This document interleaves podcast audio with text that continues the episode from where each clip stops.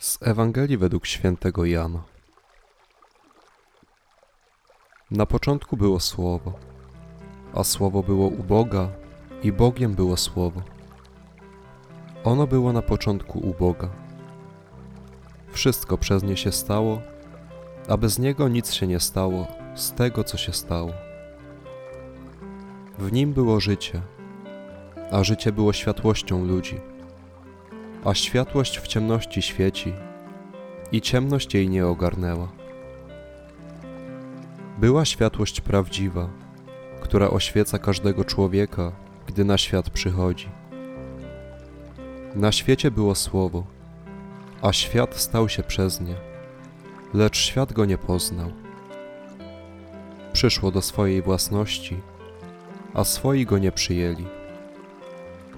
Wszystkim tym jednak, którzy je przyjęli, dało moc, aby się stali dziećmi Bożymi, tym, którzy wierzą w imię Jego, którzy ani z krwi, ani z rządzy ciała, ani z woli męża, ale z Boga się narodzili. A Słowo stało się ciałem i zamieszkało wśród nas. I oglądaliśmy Jego chwałę. Chwałę, jaką jednorodzony otrzymuje od Ojca, pełen łaski i prawdy.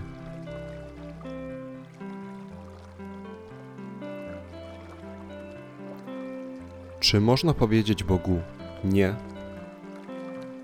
Czy można przejść obojętnie obok tego, kto pragnie naszego największego szczęścia? Czy można odrzucić miłość posyłającą swojego Syna dla naszego zbawienia?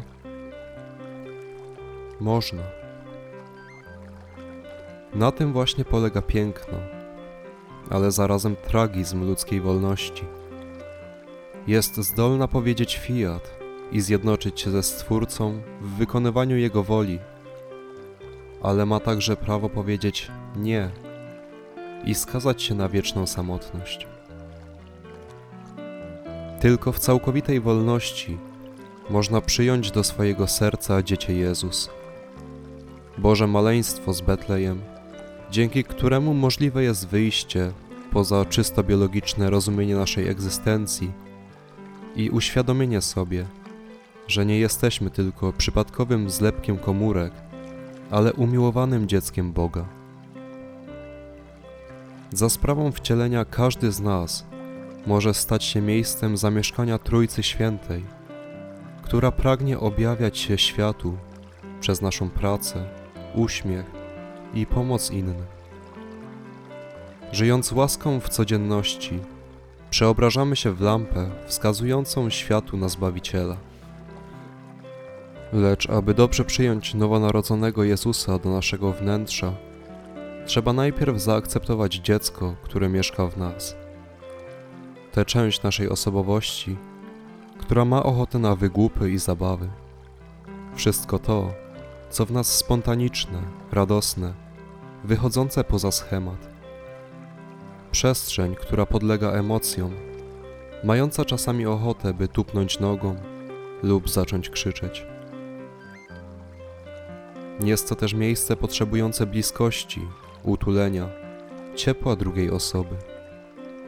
Kiedy byliśmy mali, czymś niezwykle ważnym była pochwała ze strony rodziców oraz poczucie ich troski. Lubiliśmy, kiedy byliśmy zabierani na ręce i zabawiani. I mimo upływu lat, potrzeba ta nie zanika. Dalej czymś niezwykle istotnym jest, by usłyszeć w swojej codzienności słowo dziękuję i być pochwalonym. Dlatego nie można tego unikać w stosunku do innych. Lecz ta część naszej osobowości to także miejsce najbardziej kruche i bezbronne. Raz skrzywdzone, zamyka się na wiele lat. I choć czas mija, to nieustannie żyjemy bolesną przeszłością.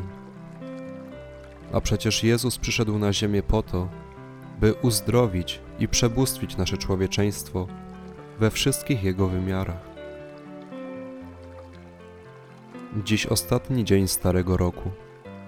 Najlepsza okazja, by oddać całą swoją przeszłość Jezusowi.